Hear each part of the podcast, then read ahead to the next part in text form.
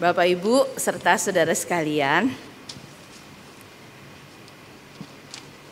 saya melihat sesuatu yang unik ketika saya pergi berbelanja di pasar. Yaitu ada orang-orang yang jadi pengemis.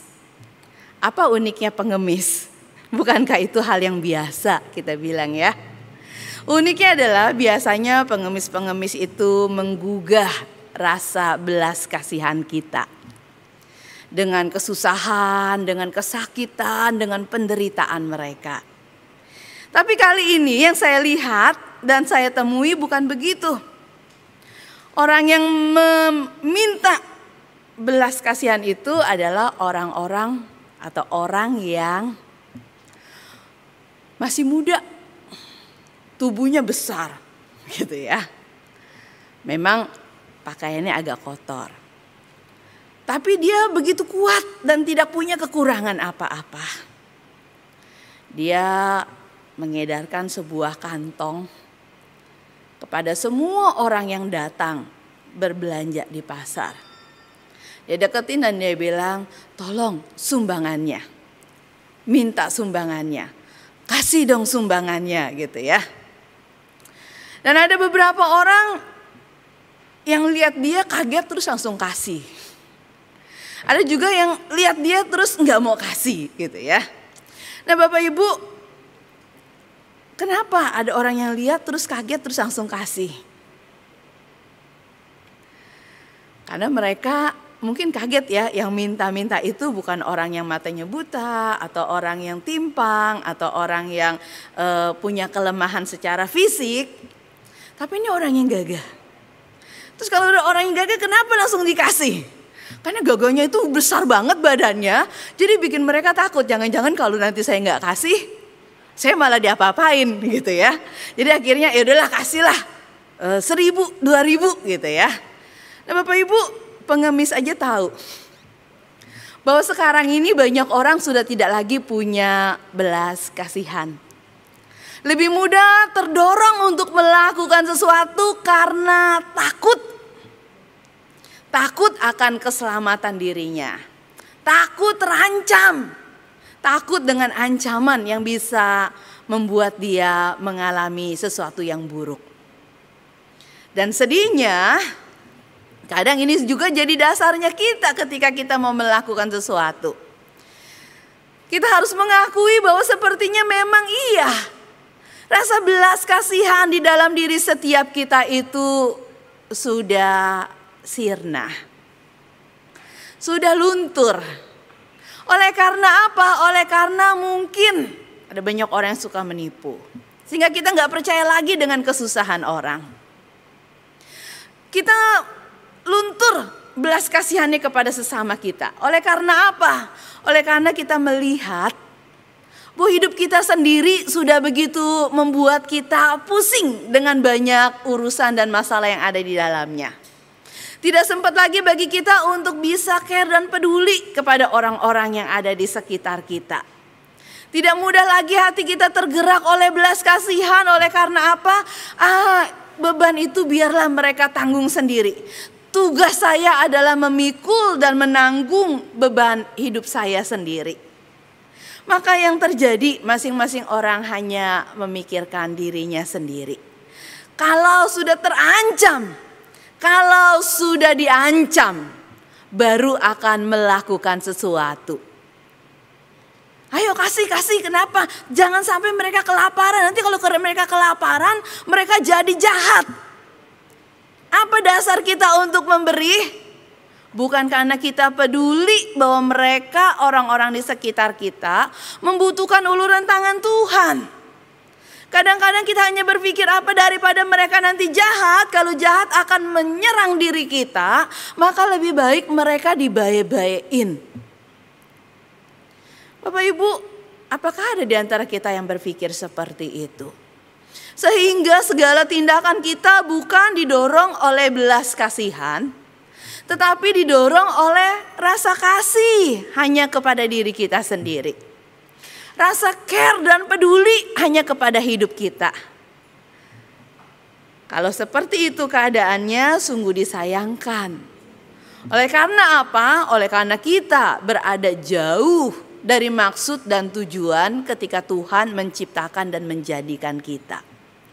Karena sesungguhnya ketika Tuhan menciptakan dan menjadikan kita, firman Tuhan mengatakan bahwa dia di, kita diciptakan seturut dan segambar, serupa dengan Allah. Dan Allah yang disaksikan kepada kita melalui firman-Nya di dalam Alkitab adalah Allah yang berbelas kasihan. Allah yang begitu mudah tergerak oleh belas kasihan. Allah yang begitu limpah dengan anugerah dan kemurahan.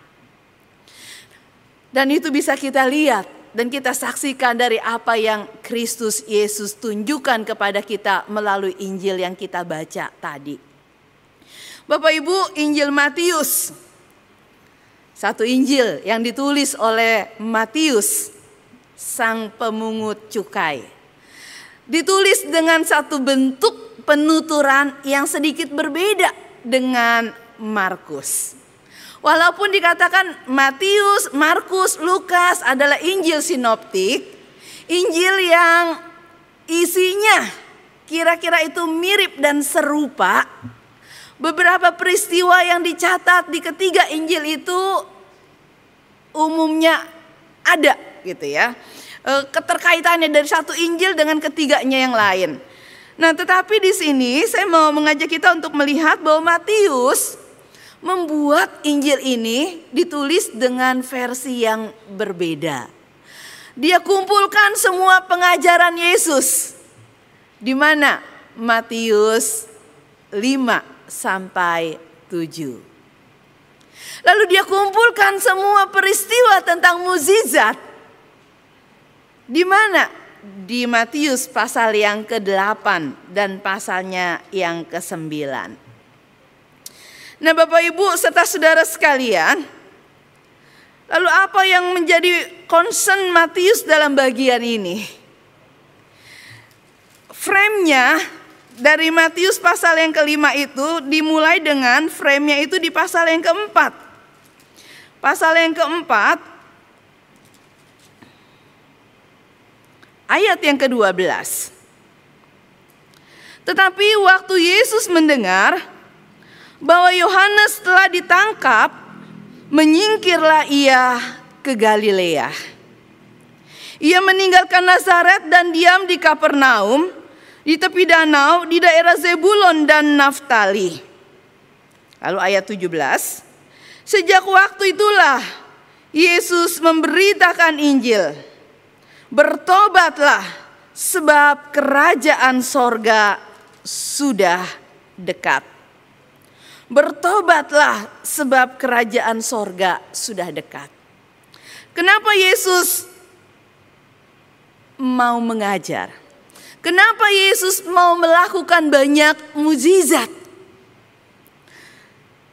Oleh karena dia mau memberitakan Injil, kabar baik yang isinya di dalamnya menyatakan kepada manusia betapa Allah adalah Allah yang berbelas kasihan. Allah yang peduli dengan keadaan setiap manusia. Allah yang tergerak hatinya oleh belas kasihan. Dan belas kasihan yang menggerakkan dia itu membuat dia kemudian datang ke dunia menjadi manusia. Belas kasihannya itu ditujukan kepada siapa? kepada orang-orang yang dilihat oleh Yesus di sekitarnya. Orang-orang yang digambarkan oleh dia sebagai orang banyak, orang banyak yang kondisinya lelah dan terlantar. Seperti domba yang tidak bergembala. Bapak Ibu serta saudara sekalian gambarannya seperti apa kira-kira yang dilihat oleh Tuhan Yesus? Gambarannya adalah masyarakat yang di saat itu sedang ada di bawah penjajahan bangsa Roma. Mereka dijajah, mereka hidup dalam kemiskinan, mereka tidak punya kebebasan dan kemerdekaan. Mereka dibebani oleh berbagai macam pajak yang memberatkan hidup mereka. Secara sosial, kebanyakan dari mereka hidup dalam kemiskinan. Secara sosial, banyak juga di antara mereka yang mengalami sampai tekanan-tekanan yang begitu berat. Maka digambarkan pada waktu itu banyak sekali orang-orang yang kerasukan setan, ya. Apa kaitannya kerasukan setan dengan beban hidup yang berat? Bapak Ibu sedikit waktu saya belajar kemarin eh, waktu studi lanjut di UKDW ada bahas tentang orang yang kerasukan. Tidak melulu itu karena setan. Tapi bisa jadi juga itu karena masalah psikologi. Karena tekanan stres yang begitu berat. Yang membuat mereka sampai sedemikian rupa seperti dirasuk setan. Ya, Nah di sini kita melihat ada apa? Ada gambaran kehidupan yang begitu berat yang mereka hadapi secara sosial kemiskinan, tekanan, penjajah, pembatasan. Itu secara sosial di tengah-tengah negeri, di tengah-tengah kota, di tengah-tengah kehidupan mereka sehari-hari. Dan belum lagi ditambah dengan kehidupan sosial agama mereka. Mereka juga begitu dilelahkan oleh banyak kebenaran firman Tuhan Firman Tuhan yang menurut Mazmur 119 seharusnya itu menjadi sesuatu yang menyukakan hati mereka. Firman Tuhan yang harusnya mendatangkan kelegaan. Firman Tuhan yang harusnya bisa menuntun mereka pada kebenaran. Firman Tuhan yang harusnya bisa memberikan damai sejahtera dalam hati dan pikiran mereka. Firman Tuhan yang harusnya bisa menjaga hidup mereka dengan penuh kenyamanan tapi apa yang terjadi saudara-saudara, Bapak Ibu sekalian? Firman Tuhan itu justru oleh para pemimpin agama di tengah-tengah mereka dijadikan seperti sebuah kuk yang menekan dan menindih mereka sedemikian rupa, menambah beban hidup itu semakin berat. Menambah hidup mereka yang sudah berat itu jadi semakin berat. Oleh karena berbagai macam kewajiban keagamaan, yang hanya membuat mereka diliputi oleh ketakutan, ketakutan, dan ketakutan. Oleh pembayaran pajak, oleh persembahan yang memberatkan.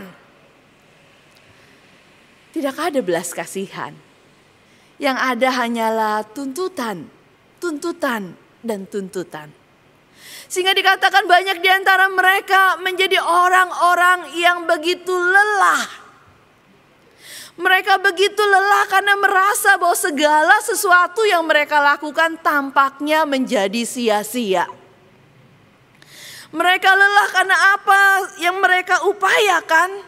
Jadi lelah dan upaya mereka tidak menghasilkan apa-apa dalam hidup mereka. Tidak ada sesuatu yang baik yang mereka lihat. Tidak ada sosok gembala yang memimpin mereka. Tidak ada sosok gembala yang bisa menuntun mereka. Tidak ada sosok gembala yang bisa mungkin menepuk pundak mereka dan berkata, enggak apa-apa, aku ada besertamu. Karena gembala-gembala mereka adalah gembala-gembala yang hanya mau mencari keuntungan bagi diri mereka sendiri. Gembala-gembala yang hanya akan membebani mereka dengan begitu banyak tuntutan-tuntutan. Bapak Ibu melihat kondisi mereka yang hidup dalam kemiskinan, yang hidup dalam tekanan baik sosial maupun juga di dalam kehidupan spiritual mereka.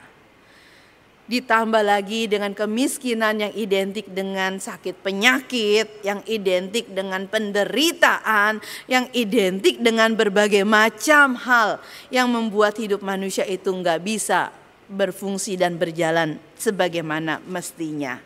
Maka apa yang dikatakan oleh firman Tuhan ketika melihat itu semua tergeraklah hati Yesus oleh belas kasihan. Bapak Ibu bagian ini pernah disebutkan oleh Allah gambaran tentang orang-orang atau bangsa Israel umat kepunyaan Allah yang terlantar, yang kelelahan, yang tidak ada gembala yang menuntunnya. Disebutkan di dalam Yehezkiel pasal yang ke-34. Tuhan mengutuki para pemimpin di tengah-tengah bangsa itu yang hanya memikirkan diri mereka sendiri. Tuhan mengutuki para pemimpin agama yang juga hanya mencari keuntungan sendiri dan mereka membiarkan bangsa itu berjalan sendirian. Tidak tahu arah dan tujuan. Ke bukit-bukit pengorbanan, ke berbagai macam tempat yang mungkin malah menjauhkan mereka dari Tuhan. Maka dalam belas kasihan itu Allah berjanji bahwa nanti Aku sendiri yang akan menggembalakan mereka. Aku sendiri yang akan menuntun mereka. Aku yang akan membawa mereka. Nah Bapak Ibu serta saudara sekalian belas kasihan Allah itu diwujudkan ketika dia datang ke dunia dalam Kristus Yesus Tuhan kita. Dia adalah Allah yang datang dengan belas kasihannya. Belas kasihan yang kemudian mendorong dia untuk mengajar banyak orang dengan ajaran yang mendatangkan kelegaan. Bukan sekedar kewajiban keagamaan. Tetapi sesuatu yang dibangun dari dasar yang benar. Dibangun dari dasar pengenalan akan Allah. Dibangun di atas dasar perjumpaan dengan Allah. Maka dalam bagian ini ketika mereka mendengar apa yang diajarkan oleh Tuhan Yesus. Dalam Matius 5 sampai Matius pasal yang ketujuh. Alkitab mencatat bahwa mereka yang mendengar pengajaran itu merasa takjub. Takjub oleh karena hukum Allah, oleh karena firman Allah, oleh karena perintah Allah menjadi sesuatu yang begitu ringan untuk dilakukan menjadi sesuatu yang begitu mendatangkan kesukaan untuk dikerjakan. Oleh karena apa? Oleh karena Tuhan Yesus tahu bagaimana mengajarkannya. Bukan sebagai perintah yang dipaksakan. Tapi sebagai perintah karena kesadaran kita ini ciptaan Allah. Dan ini yang Allah mau kita lakukan. Dan Allah beserta kita dan menolong kita untuk bisa melakukannya. Dan yang kedua, dia bukan cuma mengajar. Kerajaan Allah itu didekatkan kepada manusia bukan hanya dengan menyampaikan pengajaran firman itu ke tengah-tengah mereka yang lelah dan terlantar. Tanpa pengetahuan, tanpa pengenalan yang benar akan hidup mereka, akan Tuhan, akan relasi mereka dengan Tuhan. Bukan cuma itu yang Yesus ajarkan. Tapi kemudian Yesus ajarkan, Yesus lakukan apa? Yesus mengatakan dia bertindak, melakukan satu tindakan. Dia menyembuhkan. Dia mendampingi. Dia mengajar, dia menguatkan. Dia membawa mereka kepada Tuhan. Dan dia menunjukkan betapa besarnya kuasa Tuhan dan betapa besarnya kasih dan belas kasihan Tuhan. Betapa luasnya pengampunan yang dia berikan kepada setiap mereka. Bapak Ibu serta saudara sekalian, Yesus tergerak oleh belas kasihan. Maka dia mengajar, maka dia melakukan mujizat. Dia menyatakan bahwa Allah hadir dalam hidup setiap mereka. Allah hadir di tengah-tengah kehidupan mereka ketika mereka menjadi anak-anak yang tidak dipedulikan. Maka dia bisa berkata, biarkan anak-anak itu datang kepadaku. Dia hadir kepada para perempuan yang mendapat diskriminasi. Atau kepada setiap keluarga yang mengalami kesusahan karena ditinggalkan oleh orang-orang yang dikasihi atau kepada banyak orang yang mengalami duka cita karena sakit, penyakit, kelemahan, oleh karena kemiskinan, oleh karena kesusahan, oleh karena berbagai macam situasi. Yesus hadir dan dia menunjukkan belas kasihannya. Melihat semua itu, maka dia berbelas kasihan. Sesudah dia berbelas kasihan, maka yang ada adalah keinginan untuk bisa bertindak dia tergerak untuk melakukan sesuatu. Tergerak. Karena sesudah berbelas kasihan kita nggak bisa cuma tinggal diam. Nah Bapak Ibu serta saudara sekalian. Maka dalam bagian ini ketika dikatakan bahwa Tuhan kita adalah Allah yang berbelas kasihan. Sesungguhnya dia juga menciptakan kita manusia. Serupa dan segambar dengan dia. Punya hati punya sesuatu di dalam isi perut kita yang bisa membuat kita rasanya nggak tenang, nggak nyaman waktu kita lihat sesuatu yang penuh dengan ketidaktepatan, penuh dengan uh, kesakitan, kelemahan, ketidakberdayaan dan sebagainya. Dia memberikan belas kasihan yang sama kepada setiap kita. Yang mungkin beberapa waktu terakhir ini menjadi luntur. Luntur oleh karena akan-akan dunia ini sedang bergerak, orang-orang yang punya belas kasihan itu adalah orang-orang yang lemah. Kita itu nggak boleh lemah karena kalau kita lemah kita pasti kalah. Kalau kita mau menang, kalau kita mau berkuasa, kalau kita mau jadi orang-orang yang tidak tertindas, maka jauhkanlah diri kita dari segala macam kelemahan termasuk tindakan-tindakan untuk berbelas kasihan. Dunia hidup seperti itu, dunia hidup seperti itu dan mereka katakan pikirkan dirimu sendiri, urus dirimu sendiri, nggak usah urusin orang lain. Maka kita mulai terlatih untuk bersikap seperti itu. Bagaimana kita fokus hanya hidup bagi diri kita sendiri. Tetapi Bapak Ibu serta saudara sekalian, sesudah kita mencapai semuanya, kalau kita hanya hidup bagi diri kita sendiri, kita akan ketemu dengan satu keadaan bahwa kita akan kecewa. Kecewa oleh karena apa? Ada sesuatu yang hampa dengan hidup kita. Kalau kita hanya hidup bagi diri sendiri. Karena sesungguhnya belas kasihan itu dititipkan Allah dalam diri kita. Supaya kita bisa melakukan pekerjaan yang Allah mau kita lakukan di dunia ini.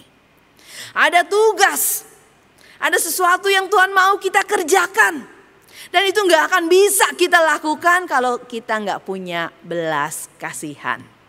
Itu sebabnya ketika Yesus datang apa yang Yesus mau tunjukkan kepada murid-muridnya Pertama-tama dia mengajak murid-muridnya untuk melihat orang-orang di sekitarnya seperti Tuhan sendiri melihat.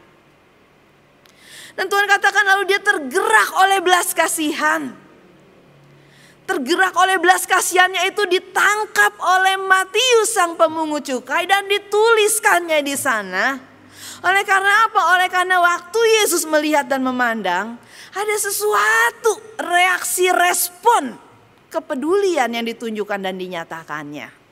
Matius menangkap itu. Dan saya percaya murid-murid juga menangkap itu. Sehingga mereka pun diajak untuk melihat apa? Untuk melihat orang banyak sebagai sosok yang lelah dan terlantar. Seperti domba yang tidak bergembala. Mereka takut, mereka bingung, mereka nggak jelas arahnya, mereka nggak tahu tujuannya, harus ke mana dan harus bagaimana. Bapak Ibu, kita baru bisa menangkap kondisi kesusahan orang. Nah kita baru bisa tergerak oleh belas kasihan kalau kita bisa melihat mereka. Seperti Tuhan melihat mereka. Maka kita juga akan dikaruniai Tuhan belas kasihan seperti yang sudah dibuatnya di dalam diri kita ketika dia menciptakan dan menjadikan kita. Ada belas kasihan itu. Hanya saja mungkin menjadi tumpul karena kita sudah jarang melihat. Hanya saja sudah menjadi tumpul karena kita sudah jarang mendengar. Hanya saja sudah menjadi tumpul atau mungkin karena kita terlalu banyak melihat dan terlalu banyak mendengar. Lalu kemudian melihat diri kita nggak ada apa-apa yang bisa kita lakukan. Maka kita mengeraskan hati kita, udah nggak usah peduli, masa bodoh, pikirin diri sendiri aja. Tapi Bapak Ibu, Tuhan tetap mengajak kita untuk melihat. Supaya bisa timbul belas kasihan dalam diri kita. Kenapa? Karena dengan melihat, karena dengan belas kasihan itu, kita akan melakukan seperti yang Tuhan lakukan. Kita pun akan pergi untuk memberitakan. Kita pun akan pergi untuk menyatakan tanda kerajaan sorga. Menyembuhkan banyak orang. Mengusir banyak setan. Melenyapkan banyak kelemahan.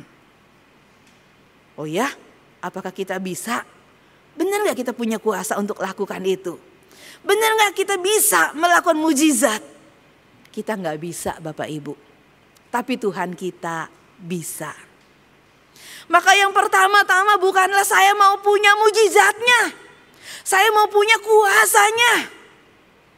Tapi poin yang paling penting adalah lihat dan milikilah belas kasihan.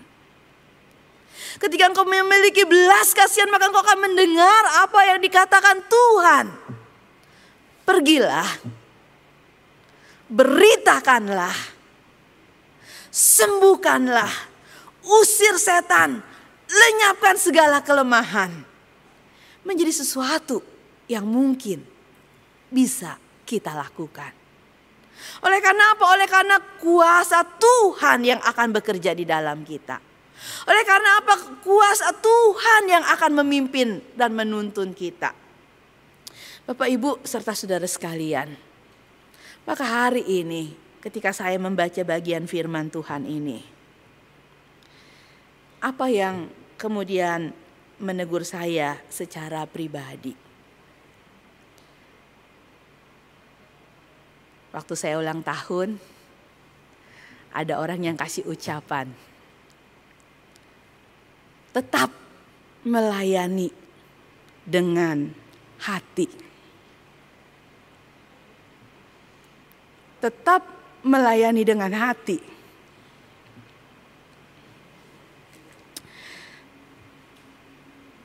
Bapak Ibu, bukan cuma Bapak Ibu yang pernah atau yang sedang mengalami hatinya ini bisa luntur belas kasihannya. Tapi juga mungkin banyak orang, banyak pemimpin, banyak hamba Tuhan, bahkan termasuk saya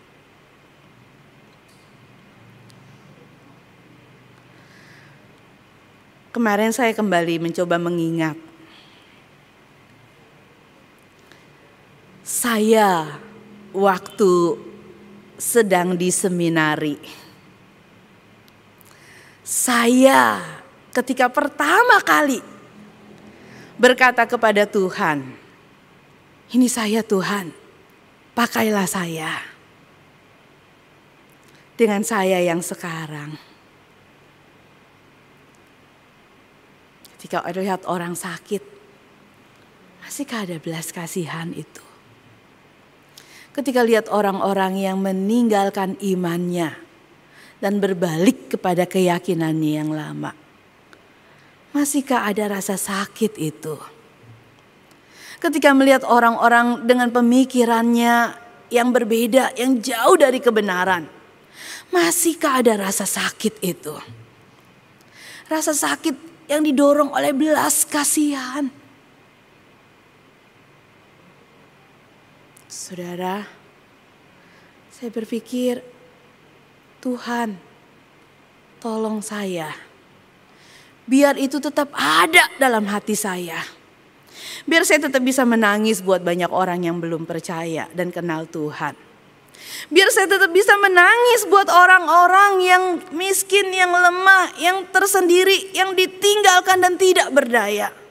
Buat banyak orang yang tersesat dengan berbagai macam pikirannya yang jauh dari Tuhan. Yang selama ini mungkin kesibukan, rutinitas, segala sesuatu, urusan tetek bengek yang gak penting sebenarnya. Kemudian menyita dan mengganggu. Membawa kita cuma capek, dan kelelahan. Seperti yang dilihat oleh Tuhan Yesus. Maka Bapak Ibu serta saudara sekalian, dalam segala kondisi kita, kita bersyukur kita masih punya Tuhan yang berbelas kasihan kepada kita. Dalam segala kondisi kita, kita bersyukur masih ada Tuhan yang mau menuntun dan membimbing kita. Dalam segala situasi kita, kita bersyukur masih ada gembala kita yang setia menjaga dan memelihara kita. Tapi mari kita lihat, ada banyak orang dalam kondisi yang sama dengan kita. Dan mereka tidak punya siapa-siapa yang boleh menyatakan belas kasihan kepada mereka. Mereka tersesat dan mereka sendirian. Mereka mengalami sakit dan kelemahan dan mereka sendirian. Mereka tidak berdaya dan mereka sendirian. Maka hari ini Tuhan mengingatkan kita, pandang mereka. Dan biarkan hatimu kembali tergerak oleh belas kasihan. Dan ketahuilah bahwa Tuhan mengutus kita untuk datang kepada setiap mereka. Datang kepada setiap mereka yang memerlukan belas kasihan Tuhan. Datang kepada mereka yang harus kita tuntun masuk ke dalam kerajaan sorga. Biarlah kiranya dengan belas kasihan yang Tuhan karuniakan, kita pun bisa membawa mereka. Dr. Vernon Grounds, ini seorang penulis di ODB yang menulis artikel-artikel. Nah, dalam satu artikelnya dia berkata, jika kita memiliki belas kasihan seperti Yesus, hal itu dapat mengubah keadaan di sekitar kita. Dapat mengubah keluarga kita, gereja kita, dan lingkungan kita ke arah yang lebih baik. Karena dengan belas kasihan itu maka kita akan didorong untuk memberikan kepada orang lain hal-hal yang diingini untuk diri kita sendiri. Dan juga itu akan memampukan kita memenuhi tujuan hidup kita. Untuk itulah Allah menciptakan dan menjadikan kita. Karena itu Bapak Ibu, biarlah dalam minggu ini kita boleh berkata kepada Allah, berikanlah belas kasihanmu dalam hati kami. Supaya kami bisa melihat supaya kami bisa tergerak, supaya kami bisa melakukan sesuatu sehingga kerajaanmu nyata di bumi seperti di sorga. Amin.